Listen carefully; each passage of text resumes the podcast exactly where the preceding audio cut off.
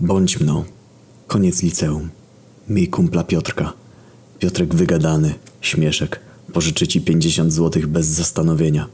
Ogólnie spoko koleś. Chce zostać ratownikiem medycznym. Koniec tej słynnej matury. Organizuj z paczką wyjazd pod namioty. Picie, grill, muzyka. Fajne lożki. Po prostu wielki weekendowy melanż gdzieś za miastem. Piotr mówi, że nie może jechać. Wypadają wtedy urodziny jego młodszego brata. Nie wiedz nawet, że Piotr ma brata. Zaproponuj, że można ekipą odwiedzić jego brata, a potem zgarnąć Piotrka i pojechać pod namioty. Piotrek odmawia. Mówi, że zaplanował już takie małe braterskie wyjście dla niego i brata.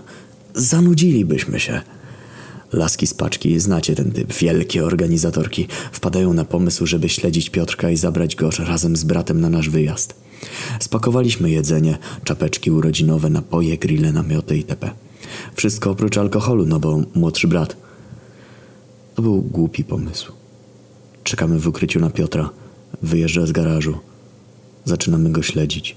Już mamy zamiar się ujawnić, gdy... Kurwa... Piotrek skręca w stronę cmentarza. Nope, exe. Piotrek parkuje. Wyjmuje z samochodu ciastko ze świeczką i małą paczuszkę. Idziemy za nim najciszej jak potrafimy. Piotrek siada na ławce przy grobie, zapala świeczkę na ciastku i zaczyna mówić szeptem.